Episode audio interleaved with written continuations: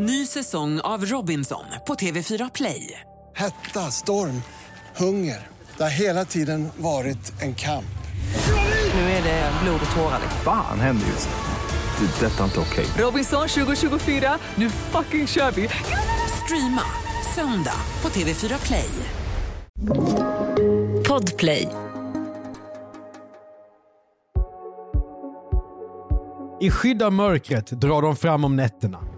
De hemska tonåringarna som klottrar på väggar, slangar bensin och krossar rutor. Eller?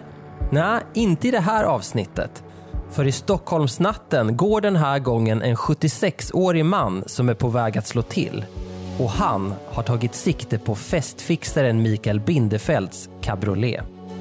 Välkommen till ännu ett avsnitt av Misslyckade brott. I den bilverkstad som Podplay kallar studio sitter tomgångsventilen Mattias Bergman och bromsoket Andreas Utterström. Och tror du att jag visste vad detta var? Nej, det är klart du inte vet. Jag fick, jag fick googla på bil, saker som finns i bilar. Ja, det är klart att Ja, Sommarsäsongen av Misslyckade brott kommer med ett avsnitt per vecka i sommar. Men du som lyssnar genom Podplay kan höra alla fyra avsnitt redan nu. Mikael Bindefeld föds 1959. Han får tidigt utlopp för sin glödande energi och sitt utpräglade sinne för estetik. I yrket som frisör. I alla fall om han får säga det själv och det gör han så gärna på Mikael Bindefeld ABs sajt. Alltså han har själv skrivit att han har ett utpräglat sinne för estetik. jag vet inte vem som har skrivit copyn, men detta står ordagrant på Bindefeld ABs sajt. Under 80-talet arbetar Bindefeld som frisör och stylist i Stockholm. Och 1987 arrangerar han sin första lanseringsfest. Där blandas företagsledare och kändisar. Från SAS Janne Karlsson till Lili Sussi. Genomslaget i medierna blir stort. Det här är inte bara en succé, utan också starten på en ny karriär för Bindefeld. Och om jag förstår det rätt så var då det nya och fräscha här att man då ska blanda företagstoppar med kändisar. Att det då var mixen som gjorde det hela så spännande. Inbjudningslista, Just det, den har Bindefeld knäckt. En blandning av sött och salt som Lasse Berghagen hade sagt. Och lanseringsfest som du beskrev, det är alltså ett helt vanligt vad vi idag skulle kalla PR-event. Det stämmer. någon ny parfym eller eh, någon ny krok eller vad som helst. Ny film eller vad som helst. Och som då, det här är 87 så att eh, marknaden är då inte mogen tycks det som. Är Bindefeld en pionjär i det här fältet i Sverige? Jag uppfattar det så utan att vara någon slags expert. Han kommer inte att säga emot dig på den punkten. Det kommer han inte göra. Och för oss gamla gubbar som Andreas och mig som växte upp på 80 och 90-talen så blir Mikael Bindefelds namn synonymt med yrket festfixare. Ett för de allra flesta svenskar ett ytterst märkligt jobb. Hur kan man leva på att ordna fester? Är det ens ett riktigt jobb? Ungefär som folk pratar om influencers idag. Ja men verkligen, det går ju en rät linje från det, till, det här till influencers. Men verkligheten är ju lite mer komplicerad än så. För det Mikael Bindefeld ägnar sig åt är events och PR-arbete. Låt säga att ett filmbolag har lagt en massa miljoner på att producera till exempel en ny Beck-film. Då gäller det att så många som möjligt ser den på bio.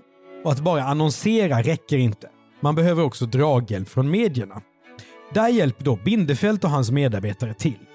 Inte bara genom att ordna en premiärfest vars vimmelbilder från röda mattan hamnar i Expressen eller Se och Hör. Utan också genom att de tänker ut vad olika skådespelare ska kunna berätta när de träffar journalister. Sen så erbjuder de olika medier intervjuer, gärna genom att krydda förslagen med att man blir först om att få prata med till exempel Micke Persbrandt om någonting som då är spännande och klickvänligt. Kanske att Persbrandt vrickade foten under inspelningen efter att ha snubblat på en fladdrande trenchcoat, för det kan ju då ge rubriken “Persbrandt svårt skadad under filminspelning”. Någonting så rafflande är det många som läser och det här gör att fler går och ser på Beck-filmen. Filmbolaget får valuta för sina pengar. Och Bindefeld kan skicka en fet faktura till med vetskap om att kunden kommer tillbaka även nästa gång. Ja, och Mattias, du som har varit redaktör i mediebranschen. Vilken erfarenhet har du av eh, Bindefeld och hans bolag? Nej, men hans PR-byrå kom ju ofta in med vad de kallade tips, det vill säga propåer då för att vi borde intervjua den eller den eller den. Ja, ungefär som jag beskrev här i morgon. Exakt som du beskrev här. Det kunde då handla om eh, Laila Bagge har stylat en julgran i varuhuset Pub till jul. Det borde ni skriva om. Och eh, eftersom det blev fler och fler PR-byråer under de åren som jag var aktiv och det blev mindre och mindre utrymme i papperstidning till exempel att skriva om, så blev ju också märkligare och märkligare pitcher från PR-byråerna. Eh, så att det var ganska ofta som någon junior konsult eller så som då var medarbetare till Bindefält hörde av sig genom att först mejla, vilket man aldrig läste för man fick tusen mejl om dagen. Och sen så började de ringa för att de då skulle få ett ja eller nej om man skulle komma på något mer eller mindre fånigt event eller skriva någonting om någon ny produkt. Då. Mm. Men var det alltid så här illa då? För att Bindefält är ju ändå en framgångsrik person i den här branschen så han måste Mm. göra någonting rätt. Så så här illa kan det inte vara ett varenda gång. Nej, verkligen inte. Och eh, de, Bindefelds byrå var på det taget varken bättre eller sämre än någon annan som jag minns det, även om det var några år sedan. Mm. Men jag vet också att de riktigt tunga grejerna som Bindefeld hade, då ringde han ju själv. Och då ringde han inte alltid till mig som redaktör utan ofta kanske till min chef eller chefschef ett par nivåer upp. Till exempel om det handlade om att följa med någon av våra stora A-kändisar på någon form av resa till Afrika. Där då journalister skulle få gratis resa dit mot att de skrev och sådär. Just det. Mm. Och de tipsen var, vet jag, väldigt ofta klockrena. Det vill säga, man ty- de passade väldigt väl in och man kunde ha möjlighet att göra det på ett sätt som inte kändes så insålt.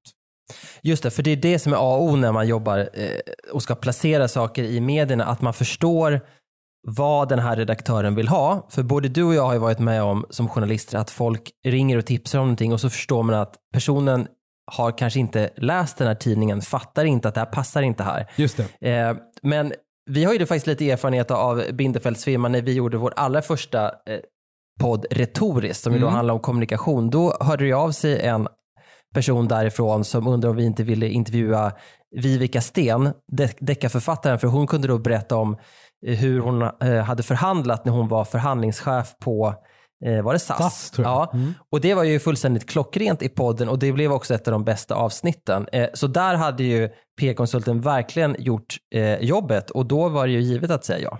Det är riktigt. Ja. Men om man tänker på Bindefeld som person, för han har ju själv blivit en kändis Mm.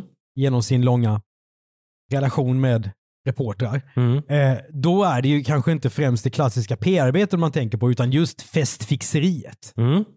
För han kallades ju, och kallas fortfarande, festfixare och Eh, då har jag läst i intervjuer att det var han till en början väldigt störd av. Nu tycker han att det är okej för att han eh, har jobbat så länge och folk vet vad han kan. Och, eh, så, för han är ju uppenbarligen bra på sitt jobb. Jag först, för eh, som jag har skrivit i manus, siffrorna talar sitt tydliga språk. Mm. Nej, men som festfixare så var han ju ohotad. Han, det var, om det var en stor fest av ett liksom dyrt internationellt varumärke, då var det han som gjorde den. Bindefeldfest var ju ett begrepp. Det var ett begrepp och det går ju knappt att förstå nu när vi förklarar det, men på 90-talet så kunde det skrivas reportage i tidningarna om Bindefält och hur de jobbade med festerna. Så här, så här gör de när de tar fram placeringslistan. A-listan, B-listan, C-listan och så vidare. För det här hade ju mycket större eh, betydelse för eh, sociala medier. Just de här eh, liksom vimmelbilderna och eh, eh, ja, men de här, som du säger, de här reportagen och eh, alltså hur viktigt det var att synas på det här sättet. Nu Den finns, röda mattan. ja, nu finns det ju massa andra kanaler och folk tar egna bilder och allt det där. Så är det. Och jag vet också att Bindefeld, lika glad som han idag då uttrycker sig att han är över att han kallas för festfixare, lika förbannad var han då över när man skrev att han var frisör. Vilket jag. han var från början. Ja. Ja, han är barberare helt Mm. enkelt. Och eh, ja, det är ju inget fel på det yrket. Nej. Det är högst hederligt. Ny säsong av Robinson på TV4 Play. Hetta, storm, hunger. Det har hela tiden varit en kamp. Nu är det blod och tårar. liksom. Fan händer just nu. Det. är Detta är inte okej. Robinson 2024, nu fucking kör vi! Streama söndag på TV4 Play. Ett poddtips från Podplay. I podden Något Kaiko garanterar östgötarna Brutti och jag, Davva, dig en stor dos skratt. Där följer jag pladask för köttätandet igen. Man är lite som en jävla vampyr. Man har fått lite blodsmak och då måste man ha mer. Udda spaningar, fängslande anekdoter och en och annan arg rant.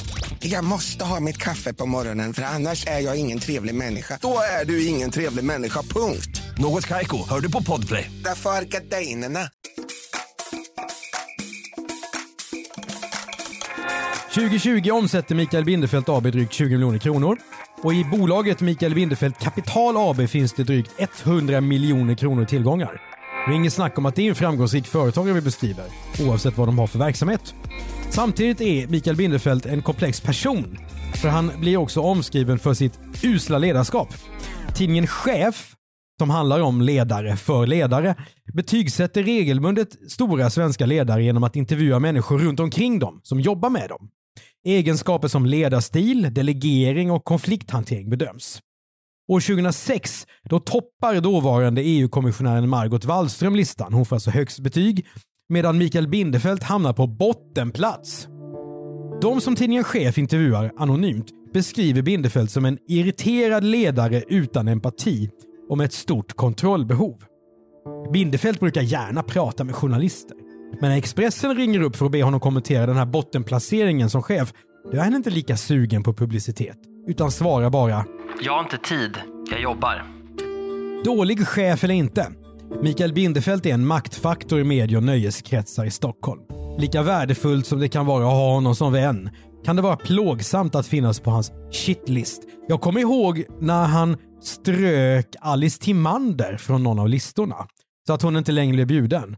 Alice Timander var ju, eh, jag tror hon var Sveriges första kvinnliga tandläkare och sen blev hon ett så kallat premiärlejon. Hon var nämligen bara känd för att hon gick på premiärer. Var känd för att vara känd. Hon var känd för att vara känd. Det här är ju 90-tal. Och då vet jag att eh, av något skäl så ströks eh, Alice från listorna. Hon var ju då alltså 80 år, hon var ju gammal. Eh, och hon, var ju, hon älskade ju de här festerna på riktigt. De här bjudfesterna när man står vid, du vet med, med en, det är en liten tandpetare med oliv och sådär och så, så står det i bildtexten så här, Alice Timander kommer med vän. Så. Hon älskade ju på riktigt att gå dit. Hon brukade klä sig och skaffa nya kläder efter temat på det biofilmen som skulle visas eller vad det var. Men då ströks hon för listan av Bindefeld så att de andra på listan gick ihop och sa nej men alltså Alice är ju den enda som gillar de här festerna av oss, att kan bjud tillbaka henne. För att då fick han ju negativ publicitet för det här. En eh, story som säger en hel del om Stockholm. Ja men det gör det verkligen. Men uppenbarligen finns det också folk utanför medievärlden som stör sig på Mikael Bindefeld. Och åtminstone en person som till och med är beredd att begå ett misslyckat brott för att visa sin avsky. Och här kommer vi in på det som podden är tänkt att handla om. Ja, nu kommer vi till avsnittets brott. Allting börjar med att Bindefelds Mercedes-Benz SL55 AMG och det här, du som kan bilar Andreas, du kan ju berätta lite grann om den här bilen. Eh, den är inte billig, men den är snygg. Den här bilen blir helt enkelt attackerad. Bindefelds åk repas nämligen när det står parkerat på Karlavägen på fina Östermalm i Stockholm. Och inte bara vid ett tillfälle. Enligt vad Bindefeld senast ska berätta för tidningen Dagens Nyheter har lacken på hans bil repats inte mindre än 25 gånger. Det verkar inte bättre än att just den här Mercedesen är Stockholms mest hatade fordon. Men hur ska nu Bindefeld gå tillväga för att få fast den här notoriska vandalen? Polisen har såklart annat att göra än att skicka spanare som dygnet runt övervakar hans bil. Därför väljer han år 2013 att ta saken i egna händer. Mm. Bindefeld frågar om Marcus, som vi kallar honom, åtar sig uppdraget att hålla vakt och samla bevis. Ett minst sagt ovanligt uppdrag. Marcus, som vid den här tiden är arbetslös, han tackar ja. Trots att han inte har någon som helst erfarenhet av bevakningsuppdrag. Men nu har han alltså kastats in i branschen genom det här högst ovanliga bilbevakningsuppdraget. Natten till den 25 maj 2013 är det dags för Marcus att jobba natt. Vid 22-tiden kontrollerar han vilka repor som finns på Bindefelds bil sedan tidigare. Och de är som sagt ganska många. Sedan sätter sig Marcus i en annan bil som är parkerad på andra sidan Karlevägen. Därifrån har han en god uppsikt över Bindefelds Merca. Med sig har Marcus också en kamera för att han ska kunna dokumentera eventuell skadegörelse. Och med lite tur också kunna fånga gärningsmannen på bild.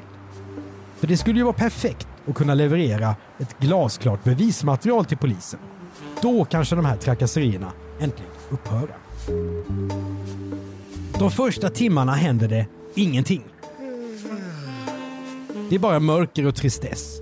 Men sedan, någon gång mellan klockan tre och halv fyra på morgonen, så dyker en äldre man upp. Kurt, som vi kan kalla honom, är ute och rastar sina två hundar.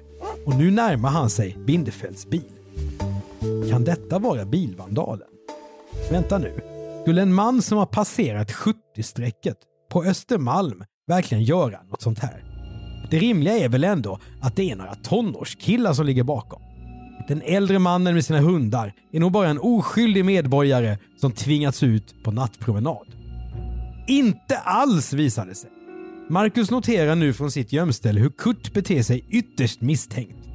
När den äldre mannen kommer fram till Bindefelds bil ser han sig först omkring. De för att kolla om det finns någon i närheten. Sedan backar han tillbaka till änden av Bindefelds bil och går därefter lutad längs bilen. Du ser det framför dig? Ja, gud ja. Mm. Har Kurt ont i ryggen? Eller bara tillfälligt dålig hållning? Nej, det verkar vara något annat som pågår. Marcus ser inte med egna ögon att Kurt repar bilen. Men kroppshållningen är ju ytterst misstänkt.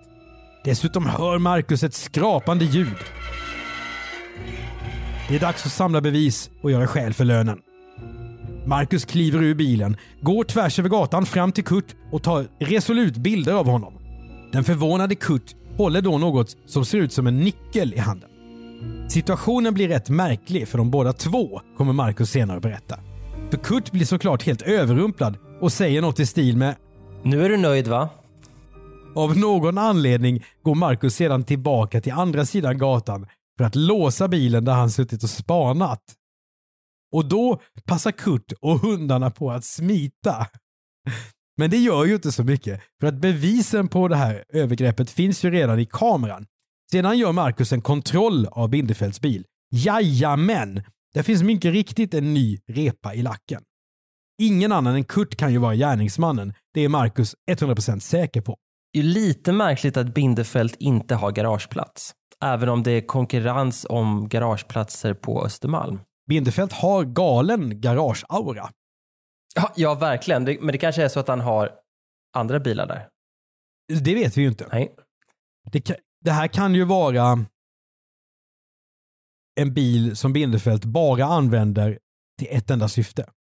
Typ åka till landet med.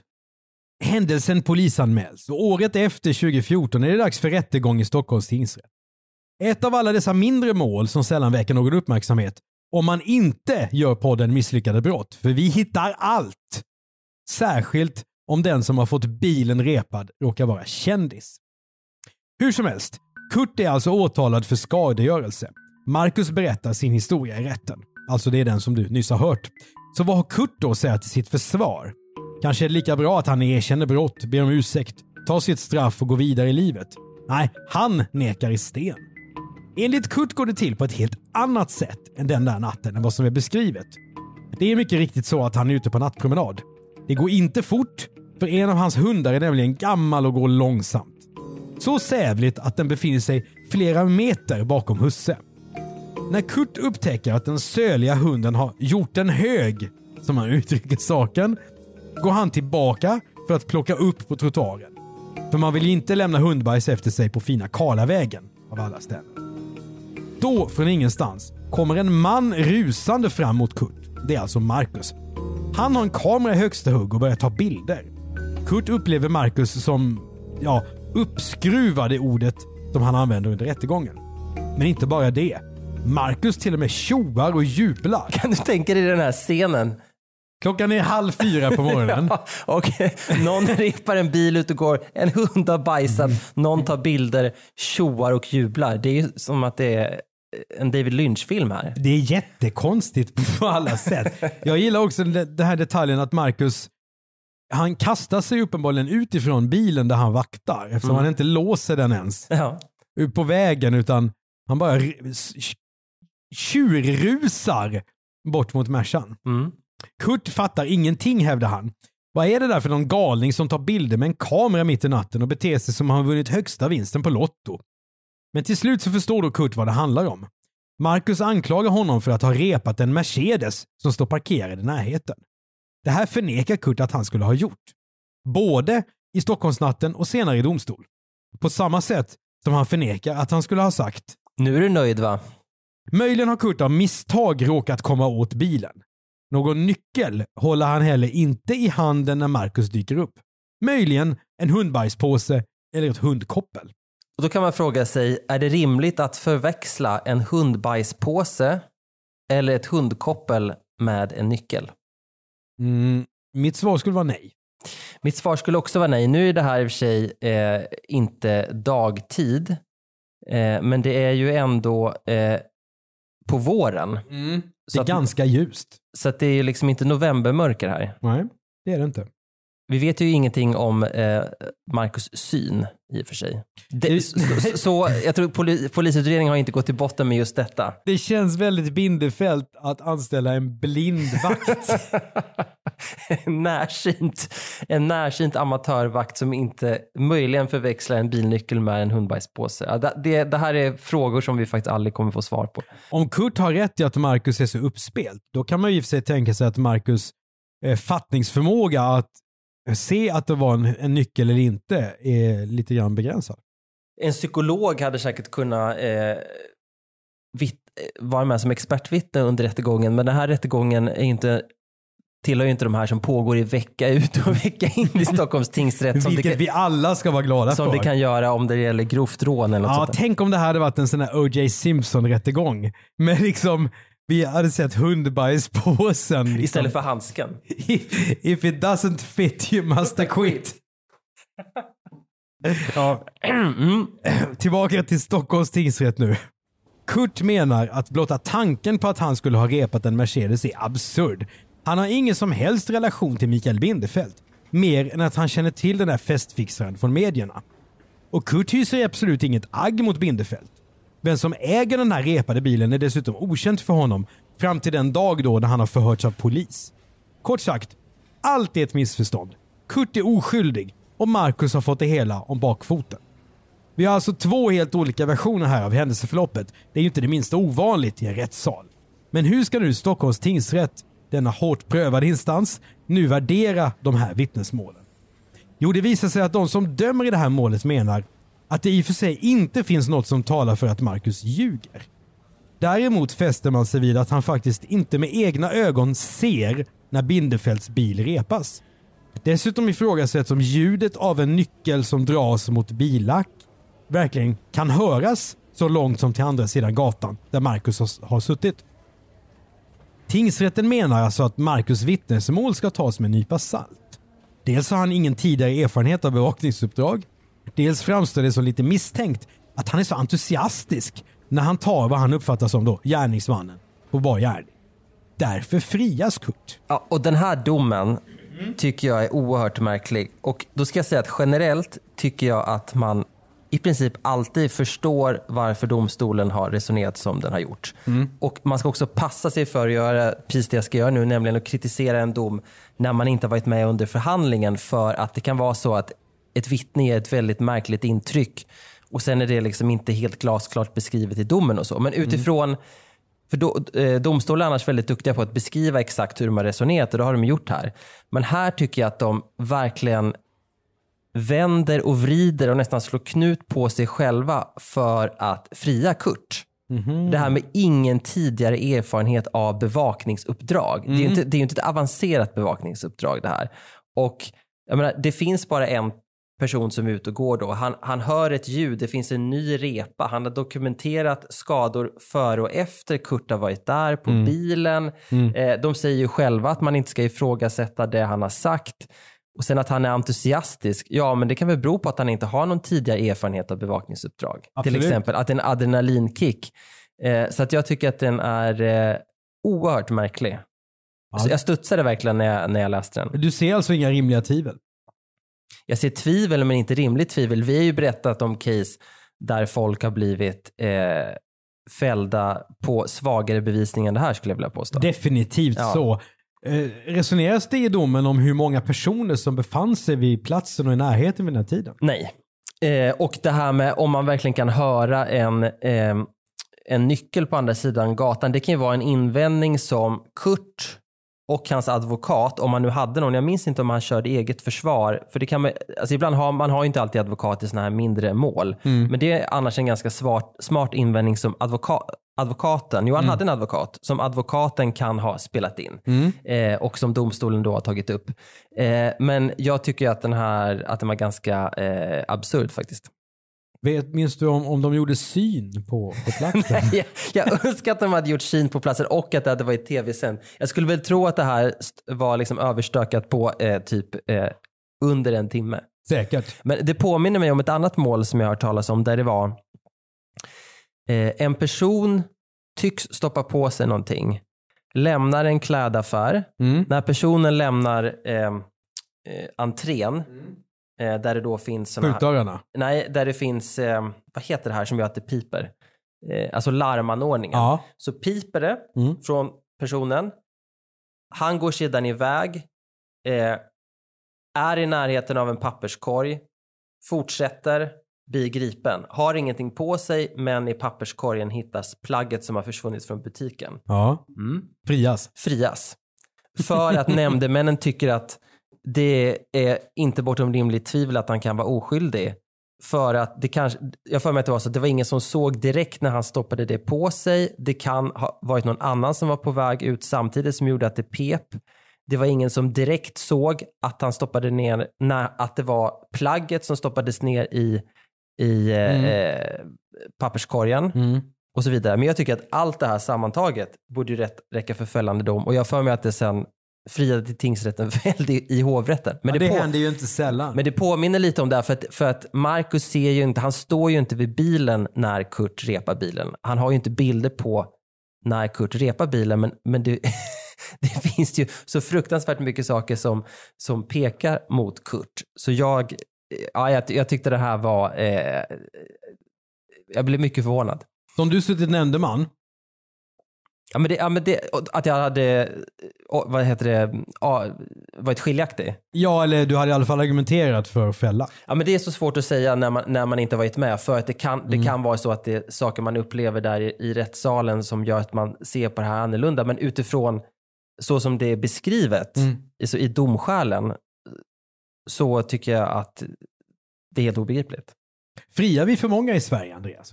Nej, det gör vi inte.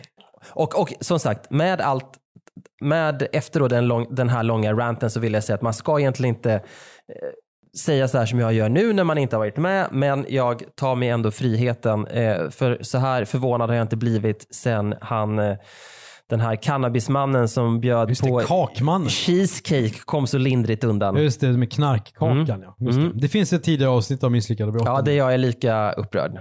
Ja, du var nog ännu mer upprörd faktiskt. Men det här med Kurt och, och Marcus, det är inte bara du som har reagerat för det här. För att det är också åklagaren i tingsrätten som överklagar då till Svea hovrätt. Där är bevisningen densamma. Men de tre domarna som sitter där, de resonerar inte alls som tingsrätten har gjort. I sin dom skriver Svea hovrätt att Marcus uppgifter visserligen ska bedömas med viss försiktighet. Men hans berättelse anses ändå innehålla så många konkreta uppgifter att han är trovärdig. I mars 2015 meddelas domen. Kurt fälls nu för skadegörelse. Och han kommer att få betala dyrt för sitt pojkstreck. Eller ja, vad man nu ska kalla det för gubbstreck kanske. Mm. Kurt ska betala böter, skadestånd till Bindefelds försäkringsbolag och en avgift till Brottsofferfonden. Den sammanlagda notan för att ha repat lacken blir 31 941 kronor. Och att laga lack på en Merca är inte det billigaste man gör, kan jag säga. Nej, så det här blev eh, ett dyrt eh, äventyr. Rent juridiskt är detta slutet på historien. Men den stora frågan återstår ju. Vad är det som har fått en 76-årig man att repa lacken på en kändisbil? Något svar får vi inte eftersom Kurt även i hovrätten förnekar brott. Om det är han som har repat bilen tidigare, det förblir också ett mysterium. Vad tror du om det personligen? Det är ju inte alls säkert. Nej, men det ligger väl, eh, det är väl nära att anta eh, detta för att han eh, verkar ju ha full koll på vilken bil han var ute efter. Mm. Eh, och, men, men har han gjort det 25 gånger och det är samma gärningssenior, eh, då är han ju en väldigt dedikerad brottsling. Ja men verkligen Och en lyckad, unik i podden. och en lyckad brottsling, då, om man ska tro Bindefeld att det hände 25 gånger tidigare, då har han ändå ett ganska bra track record. Han är en lyckad brottsling 25 gånger, men den 26 då så åker han fast. Lär er det ungdomar. Någon gång tar det slut. Och även pensionärer som lyssnar. Om Kurt fortsätter att vandalisera bilar är okänt. Men Bindefeld är långt ifrån okänd. Han fortsätter att väcka starka känslor. Inte minst 2019 när hans 60-årsfirande i Tel Aviv skapar het debatt. Varför det? Jo, därför att partiledarna Ebba Busch Thor, Ulf Kristersson och Nyamko Sabuni är på plats på festen. Där firar de Bindefeld tillsammans med kändisar som Carola, Camilla Läckberg och Anja Persson. Det här kanske inte låter som någon stor nyhet, men det blir det. Inte mindre än 500 artiklar skrivs i svenska medier om Bindefelds födelsedagsfest. Rubrikerna kan lyda så här. Här festar politikerna i Tel Aviv. Turbulensen på kändiselitens fest. Kritiken väller in.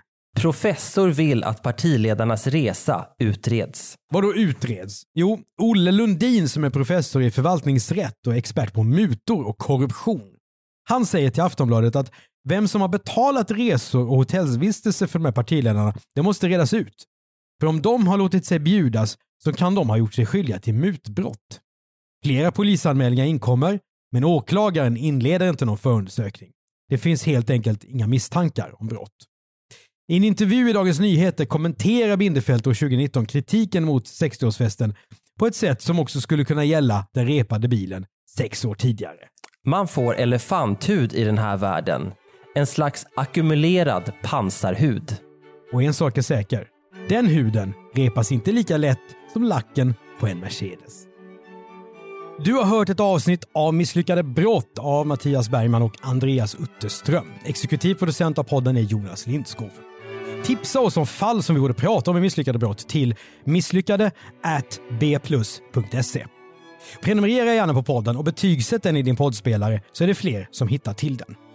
Du som lyssnar på Podplay, du får ut alla avsnitt av säsong 10 samtidigt, så du har mer att gotta dig åt. I vanliga fall driver jag commercial content som jobbar med företagspoddar. Tillsammans med Mattias gör jag för Podplay bland annat dokumentären Jag var där. Lyssna gärna. Podplay, en del av